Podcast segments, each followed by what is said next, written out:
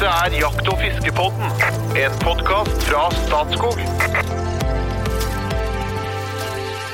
Hjertelig velkommen til Jakt- og fiskebåten, en podkast som gis ut av Statskog i godt samarbeid med Norges jeger- og fiskeforbund. Det fins ei grense for hva som er tilrådelig å ha med ungene på. Eller gjør det egentlig det? Vi har med en som har brutt de fleste barrierene rundt det med å ha med seg barn på tur.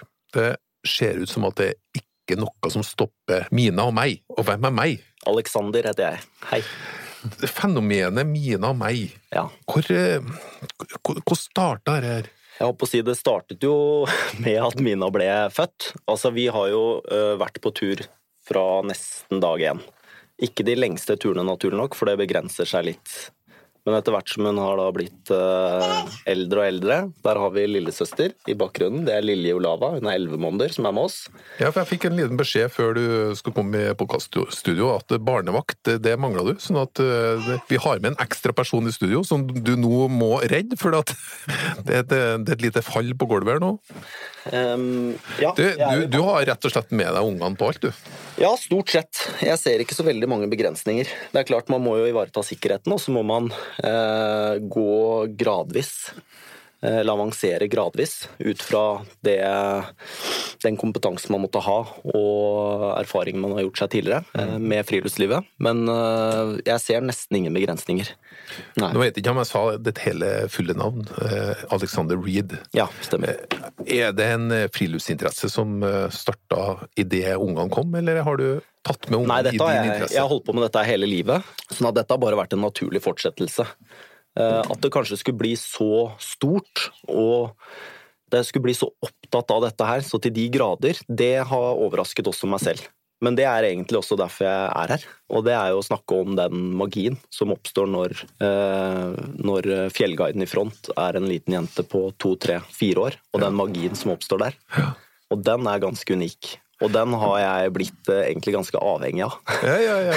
Så jeg, Enten så må Mina slutte å vokse, eller så må jeg bare fortsette å produsere. Jeg vet ikke hvordan jeg skal løse akkurat dette her, men det er, eh, det er noe ganske så unikt.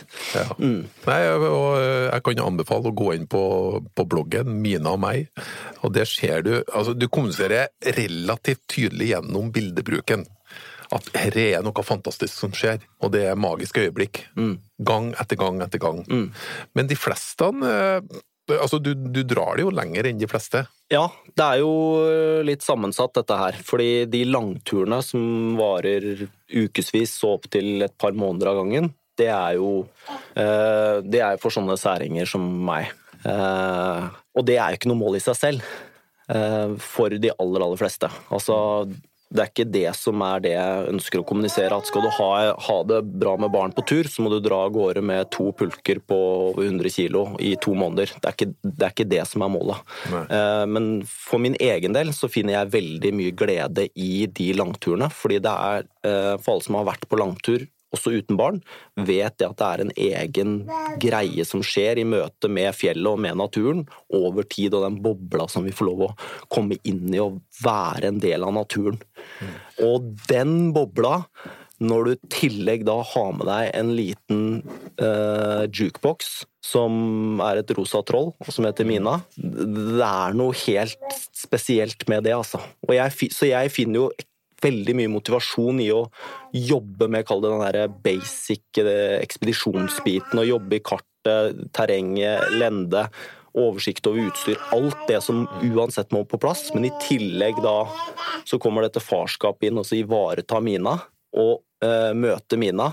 Når jeg klarer det, da blir det ganske mye dans oppå fjellet der, altså. Ikke alltid, men veldig, veldig ofte. Jeg syns det passer perfekt at vi har Lilje i bakgrunnen her nå på podkasten. Ja, ja. Men eh, var det noe du plana for? Hvordan starta det? Ja, det var det, ja. Det var det du spurte om. Ja, hva, hva var- hva var liksom det første du, du gjorde? Altså, vi, vi andre kan Ja. eh, gå oss en tur i byen, og så går vi tilbake igjen med barnevogna. Det er jo en friluftsopplevelse, men du dro det litt lenger Ja, etter hvert. det gjorde jeg. Eh, Jeg begynte som alle andre med trilleturene. Rett utenfor eh, den gang leiligheten vår. Og så avanserte.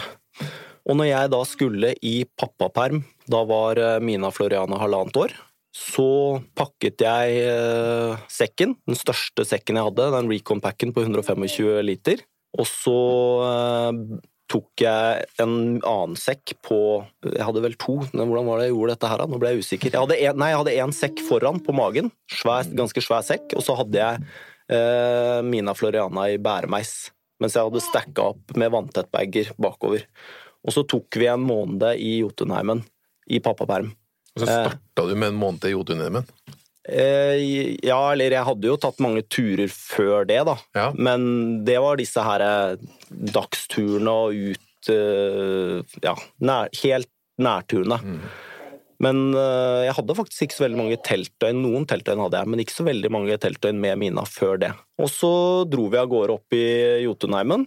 Og så hadde vi en, eh, ja, en seanse på en måneds tid hvor vi tok en del 2000 meter og Besseggen og Surtningshue og flere av disse toppene rundt omkring der. Og så besøkte vi mamma litt, kjapt ned. eh, Og så rett opp, fylle på med drytech, og så opp igjen. Og det var, det var jo den første gangen jeg virkelig skjønte at dette lille mennesket her kan tilføre mitt friluftsliv noe. Jeg, jeg, altså, jeg visste ikke at det fantes. Og hun var ca. et år gammel, var det? Ja, da var hun vel eh, For jeg utsatte litt, grann, halvannet år, da. Ja. Mm. Eh, Du, Espen, Espen Farstad og Norges Jeger og Fisk, du kjenner til Alexander litt fra før? Ja da. Altså litt sånn fra egeninteresse også. Bare for å ha nevnt det, så har jeg egentlig vært opptatt av dette med barn og friluftsliv i alle år. eh, Og, og syns at dette er veldig bra. Vi har jo vi har en innsats på dette her i Jeger og Fisk òg, bare for å nevne. Vi har alltid vært liksom, eller ikke alltid, men fra midten av 90-tallet så har vi vært ganske store på det der med å stimulere barn. Vi har liksom fiske, delt ut 150 000 fiskestenger, og vi har holdt på med sånne ting. For Fordi vi egentlig vil stimulere barn. For vi ser jo en samfunnsutvikling hvor ungene blir sittende mer stille, mer inne, mindre ute, mindre fri lek. ikke sant? Altså alt det, Alle de verdiene som vi egentlig står for, svinner litt, smuldrer litt. Og så dukker det en sånn fyr opp som er, eh, er jo i ytterkanten av det vi hadde forventa, for å si det sånn, men godt innafor det vi syns er bra. Da. Så det, det syns jeg var spennende. Og, og så kom jo, det var jo egentlig du, Alexander, som tok kontakt med oss og lurte på om ikke du kunne få ta en sånn takeover på Instagram-kontoen vår. Ja, Eh, stemmer. ok, ja, og det er jo, vi jo veldig glad for. At Ja. noen har lyst til å bli assosiert med våre verdier, og at vi liksom kan trekke litt veksler på hverandre. Så det var veldig bra. Så, så vi har fulgt med på det.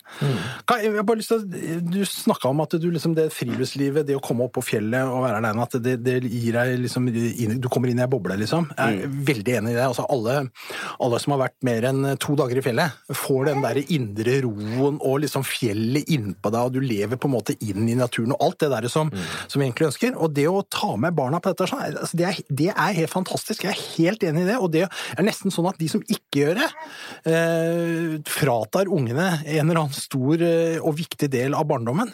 Altså det å, det den der nærheten til naturen, og det å leke i naturen, og være i naturen, og, og ja, i det hele tatt, altså den der, der som er i ferd med å svinne litt. Nå tar jo du aktiv grep for å bringe det tilbake, liksom. Så det er thumbs up eh, fra oss, altså. Veldig bra.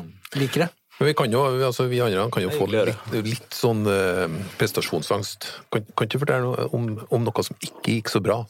Det, det ser ut som at alt sammen er, som er innertid hver bidige gang, og det bærer lykke. 100% Minusgrader, bleieskift, null problem. Er, er det, nok, er det litt, litt tungt noen gang? Ja, men det er blytungt, Ja. og det krever masse av meg. Ja. Men det er jo hele greia. Det er jo det som er greia. Men hvis du ser på det som et mas og kjas, hvis du ikke har tid i hverdagen til å jobbe med det, kall det som et prosjekt, da. Om, enten det er å komme deg ut og sove dagstur, om så skal være, og så avansere til telt og legge til eh, mat videre. Hvis du ikke tar de trinnene der, så vil du heller ikke jeg håper å si, komme deg noe videre. Du, Så- og du har jo tatt eh, det friluftslivet, det ordinære friluftslivet, kan du si. Du er ute på teltturer, du er oppe i Jotunheimen. Mm. Men så så jeg jo via Instagram-profilen til Norges Jegerfisk, så ser jeg jo at òg du har med ungene dine på jakt. Ja. Og det er jo det er på en måte enda en terskel. Ja. Jeg har ikke tenkt Eller altså, jeg ser ikke så veldig mye på det. som det er klart det er noen andre ting jeg må tenke på i forhold til sikkerhet, og selvfølgelig at eh, Mina ikke flyr foran meg. Og, uh, så det er en del ting vi må ta en liten forventningsavklaring på. Det gjør jeg alltid før vi skal ut på tur. Dette er det vi skal gjøre, sånn og sånn er det. Nå må du huske at du ikke skal gå foran meg. Alltid bak. Det er jo nytt for barn, vet du. De er jo vant til å gå foran. Mina går alltid foran meg. Så begynner vi å gå, og så spenner jeg børsa, og så går Mina foran meg. Så jeg, men Mina, det, det her går jo ikke. Mm. Ja, men jeg, jeg går jo foran. Det har jeg gjort siden jeg ble født, nærmere, eller i hvert fall kunne gå. Hva skjer nå? Det er sånne småting som man må justere på, men det er jo øh, Altså, det er jo ikke noe problem, det. Jeg fyrte av noen skudd. Jeg bomma, da, det må sies. Det var litt frustrerende, for det var så bra situasjon. Så jeg husker det veldig godt. Men eh, da så vi jo Lilje Olava på ryggen i bæremeis. Med hørselvern på, da, selvfølgelig. Sover som stein. Og mye-. Ja. Ja. Småviltrype. Men den som ikke er jeger Ja. Altså, Og nå prøver jeg å være litt sånn fandens advokat Ja, her, for at jeg synes jo dette er veldig flott. Men, men den som ikke er jeger, Ja. vil jo kanskje si at eh, men, men eh, er det riktig å utsette barna for dette? Altså, vi vet jo at vi slakter kuer på slakteri for at vi skal få biff på tallerkenen, men vi trenger jo ikke være inne i slakteriet og se på eh, den lidelsen eller det som skjer der. Er det på samme måte, er det nødvendig å ta med unga ut på jakt, liksom, og, og utsette dem for dette? Dette spørsmålet kommer fra Espen Farstad i Norges Jeger og Fisk. For som djevelens advokat her. Jo, men altså, jeg synes det, det er jo viktig at vi stiller oss disse Ja, ja, spørsmålene, for vi, vi kan jo få noen hogg inn fra sida, vi også. Da er det, viktig å være litt altså, det, er Det får du òg, tenker jeg. ja, nei, men altså, ikke, ikke mange. Nei. Overraskende få, egentlig. Eh, noe har det jo vært. Hmm. Skal man si, Vi kan jo alltid skjerme barna for det også, i tillegg til uh, tau i barnehagen og klatre i trærne og alt det andre. Det blir jo et ganske fattig liv etter hvert, da. Men jeg sier ikke at man må ha dette her for at man skal få et rikt liv, men jeg, jeg, for vår del så syns jeg det her bringer gir en, en eh, Det er en viktig del av eh, det jeg ønsker å tilføre barna mine. Samtidig som det er også det, er, det handler jo ikke bare om nettopp jakten, og det er også noen av de, den tingene jeg ville ha med meg litt inn her i dag. Fordi eh, og Det er litt fint å kunne si, også når jeg sitter her sammen med dere, jeg som ikke er en ihuga jeger, jeg er glad i eh, jakt, og jeg har vært med på jakt siden jeg var ganske liten, men jeg er eh, ikke ihuga. Men jeg syns det er veldig fint å jakte. Og det som er så ålreit, er jo det at, eh, at det ikke bare blir en jakt, jakt, jakt, jakt, jakt. Men det er noe mye mer. Mm. Og det er jo den biten Mina og nå Lille Olava tar med meg inn. Ikke sant? Når jeg kan tillate meg, og som jeg tror jeg også skrev på en av de postene når jeg tok over den kontoen deres på Norges Jeger- og fiskeforbund, at når jeg kan eh, gå og synge Hakuna Matata på støkkjakt Det er kanskje ikke så veldig mange andre som gjør det, men det var utrolig befriende å kunne gjøre det. Og hvor riktig det er i forhold til rypa, og om det har noe å si Jeg vet ikke helt, men i hvert fall, det var Det føltes veldig rart og veldig godt på en og samme tid. Og da får den der barnebiten lov å komme inn i jakten og tilføre jakten noe mye mer. Og jeg tør jo påstå Jeg tenkte på dette her før jeg kom hit, og veldig mange jakter jo selvfølgelig også for å få noe. Men jeg tror det er veldig mange som sitter rundt bålet etter jakta og kanskje ikke har fått noe i det hele tatt, men med mange flotte skrønerhistorier og flotte minner som de tar med seg. Og hva er det de snakker om da? Jo, de snakker om friluftslivet. De snakker om eh, kameratskapet, om eh, å være ute i naturen, om ting de har sett, ting de har opplevd. Så det handler jo ikke bare om jakten. Så jeg tror du berører, du berører en myte om eh, norske jegere. Fordi at det vi vet fra statistikken, det er at eh, norske jegere går tomhendt hjem veldig ofte. Åh, det var godt de, å høre, for det gjør jeg ja, men de går på jakt gang etter gang Ja. etter gang etter gang. Så det er klart at det er noe mye mer enn fangsten som driver jegerne. Det er opplevelsen, sånn som Ja. du er inne på. Det er naturopplevelsen. For du gidder ikke å gå ut da, vet du, hvis du ikke Frihetsfølelsen. Ja. Så, men jeg, jeg får jo det er jo Jeg kjenner godt til en til som er ganske ivrig på å overføre eh, friluftsinteresse, jaktinteresse, til sine barn. Jeg får jo stadig vekk bilder, og da ser jeg ungene holder på å plukke på noe slakt eller en eh, fugl eller et eller annet. Jo Inge, du, du, du tar med ungene på det meste. Ja, ja, for all del. Jeg det. Jeg har jo fire unger. Fire forholdsvis små unger fra ja, 9 til 13 år. Eh, og jeg har dem med på alt, ja. Og jeg har hatt det med på alt. Men nå har ikke jeg vært på lange ekspedisjoner, da, som Alexander og Mina har vært på. Det har jeg ikke med unger. Men eh, det er type tioleik eller elgjakt. Med meg hele høsten på elgjakt, eksempel. Eller rådyrjakt, og i går så slakter vi noen sauer, eksempel. Så de er med på alt, alt like ting, og har et ganske naturlig forhold til det. Og, og fiske. Ikke? Vi fisker eh, mesteparten på sommeren, da. Men, eh, eller pilking på vinteren. Ikke sant? Så ja, jeg vil påstå det. Føler du at det er noe du bør skjerme deg for? Nei. Er noe du bør uh, unngå? Ung, nei, jeg er ikke det, da. Og vi ser jo det eh, Vi ser dette eh, type I mitt distrikt, da, som jeg, jeg vil påstå at det, det med høsting og, og ta vare på ressursene, det står ganske sterkt ennå. Så ser jeg at de har hatt med en barnehage på å slakte en gris, eksempel. Og da er det jo foreldre som reagerer. Unger syns det bare jeg tar litt æsj at det var noe blod, eller noe men så er det liksom det spennende da, med å inni den grisen. ikke sant? Og sammen du har det med på elgjakt òg. Så unger er jo veldig nysgjerrig og, og vitebegjærlige og spær om alt som er. ikke sant? Og så er det mine Hvem må flådd elg, så de var bitte små. Eller ja, gjøre opp fugler eller noe det. Og det er, det, det er helt naturlig for dem. Og det, dem jeg, kan, Nei, jeg har ikke inntrykk av at de tar skade av det. Ikke i det hele tatt. Og du, og du får ikke noen reaksjoner på det heller? Nei. Men nå er det de fleste rundt meg kanskje vant til det, da. Så jeg omgås ikke så mange som reagerer negativt, kanskje. Ikke, ikke legger ut det på sosiale medier heller. Så det, det kanskje det. Nei, du er men- ikke noe spesielt aktiv der, Bresjøberget. Ikke spesielt. Nei. Så det kan jo være at jeg hadde fått flere negative tilbakemeldinger hvis jeg hadde gjort det. Jeger- og Fiskerforbundet får det, bare for å ha sagt Ja, det. For ja. at vi, dri- vi driver jo opplæring, og det er ikke uvanlig at våre foreninger eh, har med en, en barnehagegruppe eller en skoleklasse ut på harejakt. Og det er det mange som reagerer på. Men, men det er jo her liksom Alexander og det han står for, er, er bra for oss, tenker jeg. Fordi han bringer en nærhet til dette som, som er det motsats, motsatsen til den fremmedgjøringa vi ser til natur.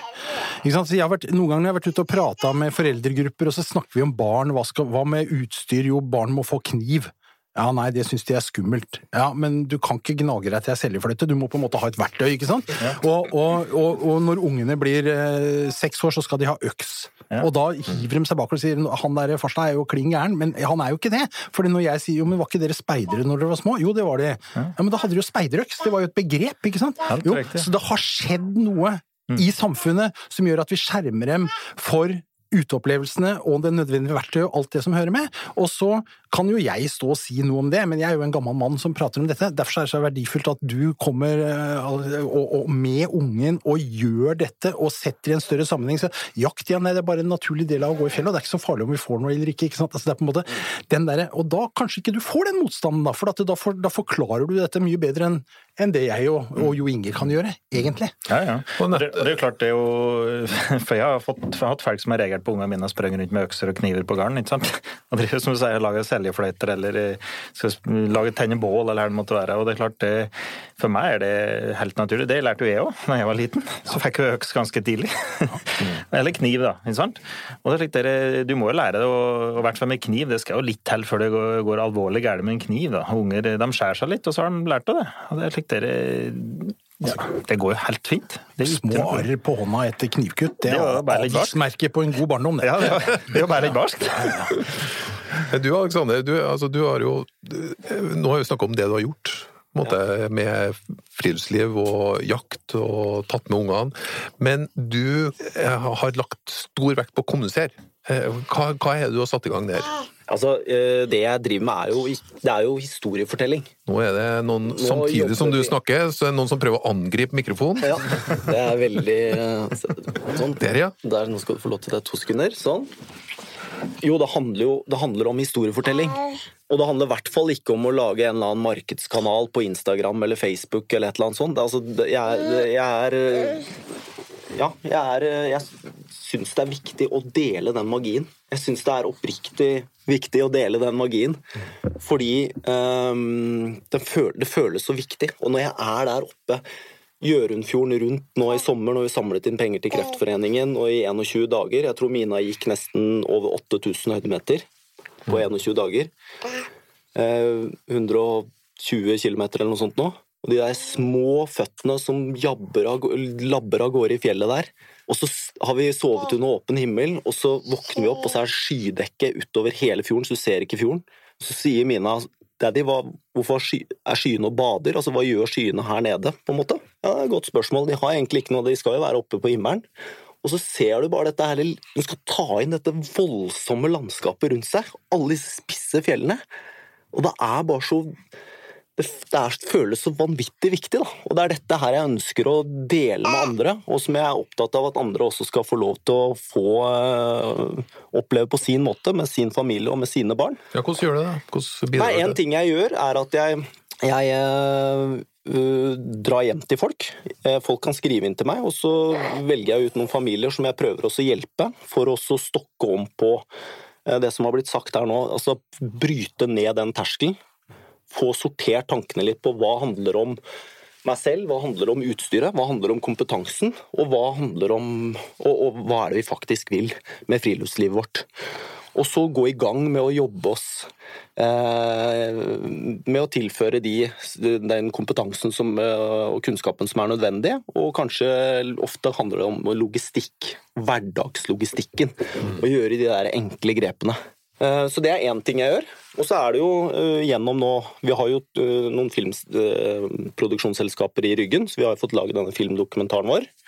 Og barne-TV-episoder som er klare. Og mer kommer. Og det er en måte som jeg Det er jo det jeg virkelig, virkelig vil. Er å formidle dette her gjennom TV og Er, eh, har det blitt jobben din? Ja, det er ikke så veldig eh, eh, Det er det er ikke veldig pengeinnbringende enn så lenge, men det går så vidt det er rundt dette her. Eh, Og så får vi se hvor det bærer hen. Men uansett form og fasong så skal jeg i hvert fall ta med veldig, veldig mye av dette her i fortsettelsen. Og fortsette å kommunisere de magiske turøyeblikkene, da. Vi bruker den nå, vet du, jeg må bare si det. For at i Jeger og Fisk så har vi i, i Jeger og Fiskerforbundet så er i år så er det familiens år. Vi har etablert et familiemedlemskap. Du kan, bli, kan ta hele familien inn og bli medlem. Og, og en av våre lokalforeninger, som er en veldig godt fungerende forening, da må jeg si, Borre jakt- og fiskelag rett nedenfor Horten, de skal ha en sånn svær åpning. De åpner en sånn friluftsscene, og det er, de har masse tilbud til familiene. De er veldig flinke til å jobbe. Og nå skal det en åpning nå, er det neste helg, ja? Ja. Det tror jeg det er, og da er jo du trekkplasteret der nede. Da skal jeg ned og eh, prate. de har skjønt Fekte med armene og prate på inn- og utpust. Ja, Med eller uten barn? Ja, da tror jeg det blir uten barn. Jeg kan ikke ta med på alt. Det blir litt voldsomt. Men uh, det gleder jeg meg veldig til. Så det er veldig hyggelig. Så dette er jo verdier som vi, som vi syns er eh, Altså, dette er jo de, våre indre verdier som du tar til uttrykk, så det er, det er veldig bra, Alexander. Vi liker det. Men samtidig så er det jo noen som kan få prestasjonsangst da, når du tar med en eh, liten tass og så ligger ute i ukevis. Mens, mens allikevel så formidler du det, det på en måte enkle. Og det tror jeg mange foreldre kanskje kunne få bli inspirert av. da. Altså Bare ta det, holde det veldig enkelt. Altså Bare, ta med, bare få unger ut. ikke sant? Bare det å klatre i treet, bygge hytte eller lage seljefløyte eller eh, ta den på fisketur. Det er jo Ja, ja. fiskevann overalt. ikke sant? Bare, bare, en, bare en, en liten tur, Ja, så vi se at eh, unger liker det. Eh, Hvis jeg nå begynner ungene mine å bli såpass gamle at de må satse på barnebarnopplevelser da, i neste omgang, eh, så hva hva må jeg tenke på hvis jeg skal tenke at ok, mitt eh, halvannet år gamle barnebarn ønsker jeg å ta med på en overnattingstur? Ja. Hva, hvordan, jeg, kan godt ta i nærområdet, det er sikkert et lurt utgangspunkt, sånn at det, det går an å gå hjem hvis det blir litt utrivelig, men hva må jeg tenke på når jeg skal begynne å planlegge dette? Ja, altså Du må ha alt klart før du drar. Du skal ikke stå på parkeringsplassen på en fredag ettermiddag eh, når mørket begynner å senke seg, og begynne å pakke primus. Du har ikke sjekka en tøddel. Det er eh, oppskrift på eh, disaster. Alt skal være klart eh, på forhånd. Og så, eh, og så må du sette barnet inn. Du må gi barnet en stemme på turen. Det er jeg veldig opptatt av. Fortelle, altså gi de Kanskje ta med i planleggingsfasen. Hvor skal vi gå? Skal vi gå til den dammen der bak der oppe? Skal vi gå i sånn terreng eller sånn terreng? Vi skal gå litt i må beskrive ikke to kilometer eller tre kilometer, for det skjønner ikke barn. Så det har ingenting for seg. Um, så det er jo den, uh, den biten. Og, og så er det Du kan nesten ikke legge listen for lavt. Altså. Eh, ikke, ikke, eh, ikke prøv å finne på nye matretter når du skal ut på tur, og så skal du lære å spikke, og så skal du lage denne seljefløyta, og så skal du fiske, og så skal dere gå litt lenger enn det dere kanskje pleier. Og så er det lenge siden jeg har satt opp telt, altså, så du skal sette opp telt, og så har eh, barna aldri sovet i sovepose før. Da begynner det å bli ganske mange ting Ja. som kan gå åt skogen. Så mitt forslag er plukk deg ut den ene tingen som dere skal få til, og så kommer det da an på både deg selv og din egen erfaring og kompetanse, og eh, ikke minst hva barna er komfortable med. Hvis barna aldri har sovet ute i, i telt før, ja, det kan du si. Så er det jo Vi har vært i kanskje podkaststudio før gått. så, så, så, så begynn, eh, begynn med det, da. Ta det som et igjen det jeg begynte med innledningsvis, prosjektet. Prosjekt sove i telt. Da tar du med matpakke. Ikke noe jåleri, ikke prøv å få til bålet, ikke prøv å få til alle de andre tingene. Ikke noe jokkastikke og jobbe og Ikke sant? Da skal du bare, du det som en testrun, hvis du må gjøre det først. Og så får dere det på plass. Og så, når det sitter, og det fungerer, og dere kan snakke om, og barna har et forståelse av hva dette her er for noe, si eh, Trine, skal vi dra på Nå drar vi på en eh, overnattingstur til. Vi gjør det. Og denne gangen her så tar vi og lager noe litt sånn ålreit mat. Kanskje vi skal prøve å lage det bålet. Ikke sant? Legger ut i bålet, og så avanserer du. Du skal ikke noe lenger. Utstyret jeg er litt sånn, Du nevnte liksom ja, overnatte, første overnatting. Ja. Eh, og da, Litt utstyr må du investere i. ikke Det må man. Altså, Unger skal ha sin egen sovepose, f.eks. Det er Ja. ikke fars gamle festpose som eh, er knytta igjen nederst. Det er, det er dårlig, altså. Du, du skal gi dem en ordentlig Og kanskje når de blir gamle nok da, til å bære en liten sekk ikke sant? som ikke skal ha noe vekt i seg. men du skal, bare det, for at det, liksom, det er noe å ta unga på alvor òg. Nå skal vi på tur, her er sekken din, her er soveposen din. Eh, lage gode ting rundt dette, liksom. Det er litt som bikkja som. Du tar ned båndet, så veit jo bikkja at den skal ut. litt sånn også. Nei, men Uten å være en sånn utstyrsfrik, så er jo det viktig. Det er ikke sånn at jeg skal fly rundt i Gore-Tex og det beste av ditt og datt, og så skal mine og ungene fly rundt i noe sånn gammelt ræl fra, som vi har lappa sammen. Det funker ikke. Og Sjansen er jo også, som du er inne på, veldig stor for at det kanskje ikke blir en så trivelig tur da, hvis de ligger og fryser i posen eller et eller annet sånt. Så noe må man investere i. Helt klart. Men, men det er nok ikke, når du begynner å ta ting litt ned og dissekere ting, så er det, det er ikke veldig mye utstyr som skal til for å få veldig mange flotte opplevelser. Så i hvert fall før du sier at det bare handler om utstyret, så finn først ut hva, er det, hva slags turer kan jeg få til da, med det utstyret jeg har, og eventuelt hva, hvilke innkjøp må jeg gjøre. Og resten av, utover det, så må du ta og peke fingeren mot deg selv, for da er det bare deg det står på. Så kanskje en liten start med en enkel dagstur med matpakke er jo en tur, en tur ut med matpakke er jo det, kanskje den aller enkleste, før du starter med overnattinga. Ja. Begynn å få inn disse her, kall den litt det pedagogiske opplegget og mentale biten. Forberede barnet på det. Kan være vel så viktig det. Få inn de gode rutinene. Nå skal vi gjøre det og det, så kommer terrenget sånn og sånn. Vi skal gå der hvis vi klarer det. Ikke sant? Du har, du har jo en blogg, eh, Mina og meg. Ja. Eh, Ligger det praktiske tips der? Eh, det kommer mer. Det Ja. kommer mer. Det er så mye jeg skal, skal gjøre, og, men det kommer masse mer. Jeg kommer til å legge ut Det ligger noe allerede, men det kommer veldig mye mer. Eh, det ligger også noe på Offline Pal, som er en av de jeg samarbeider med, eh, hvor jeg også legger ut eh, litt artikler, og så kommer det masse mer også på hos Hellsport.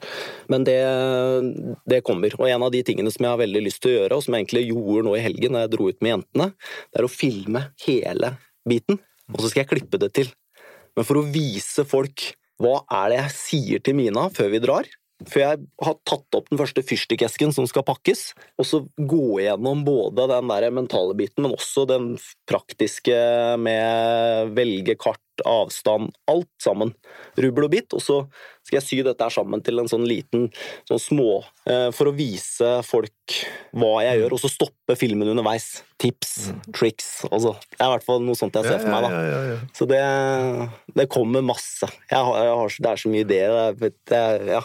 Ja, men det er veldig, veldig spennende, UNG. Ja, nei, jeg, bare, jeg fant et tips, da, det var det med våtservietter. Og de som har hatt små unger, de vet at våtservietter det er jo Guds gave til småbarnsforeldre.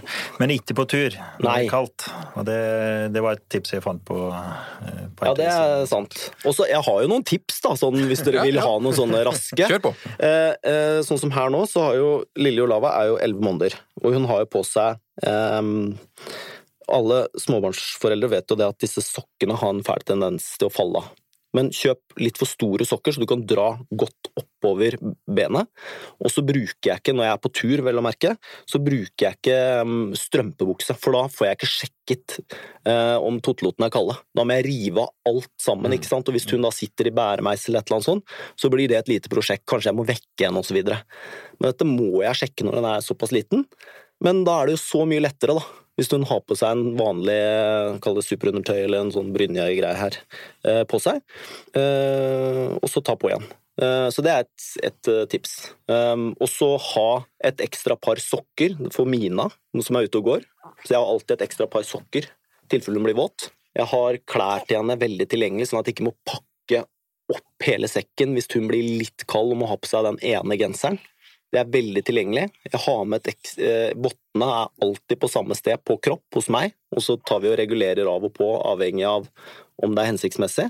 Og så få gode rutiner. Vær over... Jeg det har jeg også fra Forsvaret og fra Kystjegerkommandoen, at eh, alt har sin plass. Og alt har sin plass. Jeg er helt superopptatt av at alt skal være der hvor det alltid er. Hvis du gjør det mot deg selv, så får du det så mye lettere. Fordi når det, Og det er bare ikke sant? Når du er litt sliten, du er ute på tur, lunta er litt kort, det gikk ikke helt sånn som du så for deg, og lille Tim var ikke så grei på tur i dag, og du har du, du, så langt unna å begynne å glefse, ikke sant? Og da vet du at med en gang du glefser, så blir det i hvert fall ikke noe hyggelig på tur. Men det er jo ikke alltid vi klarer å unngå å gjøre det likevel, ikke sant? Men hvis du da, på en måte, når lille Tim er i ferd med å dra det øh, når det begeret fylles opp, og så sier han jeg er kald på hendene, og hvis du da må begynne å lete, ikke sant? Ikke sant? Da kommer fort glosene. Men hvis du da vet hvor du skal lete, så er, eh, blir stressnivået veld, veldig mye lavere. Så det er en sånn mental greie og praktisk greie. Jeg har 18 andre små og store greier, men eh, ja. Men bare, bare det du sier med å, at du tar mye med i planleggingen og, og får være med å ta beslutninger, det tror jeg mange voksne kan lære av. For det er veldig fort at vi voksne bestemmer. Vi voksne bestemmer hvor vi skal gå, altså legge opp turen, ikke sant. Ja, ja. Altså, alt, altså tempo og, og mål og allting. Og så glemmer vi å ta med unga i den beslutningen. Og Det tror jeg kanskje du får litt bedre turopplevelse på. Ja, men det er jo, og det her er liksom mantra også, det er så godt at du sier, fordi eh, det er jo ikke din tur. Det er jo deres tur. Det er jo deres tur. Men hvis du ser det på bare som en tur som du skal gjennomføre, så er det klart at da må du velge ut, og så må du velge alt som skal med, og så dropper vi prinsessekjoler og tegnesaker og neglelakken, og så bare dundrer vi på, og så kommer vi oss opp på det fjellet her. Hvis du begynner å se på det som noe litt annet, da, og det er noe litt annet friluftsliv, men er, jeg lover dere, det er så sinnssykt magisk hvis dere tar dere den tiden og begynner å finne kanskje et Fordi små barn er jo ikke Det er ikke så lett å få alt presise svar, så kanskje man velger da to eh, alternativer da, for turer. Begge er gjennomførbare og som virker hensiktsmessige for å få gjennomført. Og så gå da til eh, Mina og si Mina, du, nå har jeg to turer her. Den ene, da må vi klatre ganske mye. Litt bratt og litt sånn eksponert. Det, da får vi sånn bryne oss der, og det tror jeg blir kjempegøy. Eller vil du kanskje liksom gå inn i en sånn magisk skog? Veldig masse sånne, Husker du vi var i en sånn bjørkeskog? Og så så vi masse jeg så masse skogsfugl, og vi hørte masse lyder, og vi jaktet på noen drager. Vil du heller jakte på drager? Eller vil du liksom ta med deg eh, den magiske staven og, og klatre i fjellet? Det er veldig spennende å høre på deg, eh, for jeg hører at du, du, du har latt deg inspirere av opplevelsene du har eh, fått i lag med dine barn. Hvis jeg skal prøve å dra til med tre hovedkonklusjoner. Konklusjon nummer én planlegg i god tid. Ja. Ikke kast deg ut på tur i det øyeblikket inspirasjonen kommer. Det kan ende opp med å bli en litt uh, halvdårlig tur, som sperrer for nye turer. Punkt nummer to. Du kan aldri gjøre det enkelt nok. Start i det små. Bygg deg opp. Yes. Punkt nummer tre. Når du virkelig har bygd deg opp, så finnes det egentlig ingen grenser for hva du kan ha med barn og barnebarn på. Veldig godt sagt. Jeg er så enig. Tusen hjertelig takk for besøket, Alexander og, og Lilja. Lilje Olava. Lil- Lilje Olava. Jeg trodde du sovna her en stund, men så kvikna du til igjen. Hørte navnet ditt, det var en liten cowboystrekk på skulderen her. Ja. Det er veldig spennende å høre på. Jeg anbefaler folk å gå inn på bloggen din og se, fordi at det lyser det lyser positivt friluftsliv ut fra bildene og videoene som ligger der. Så jeg anbefaler folk å gå inn. Eh, takk til Aleksander, takk til Espen og takk til Jo Inge, og velkommen tilbake til nye episoder i Jakt- og fiskebåten.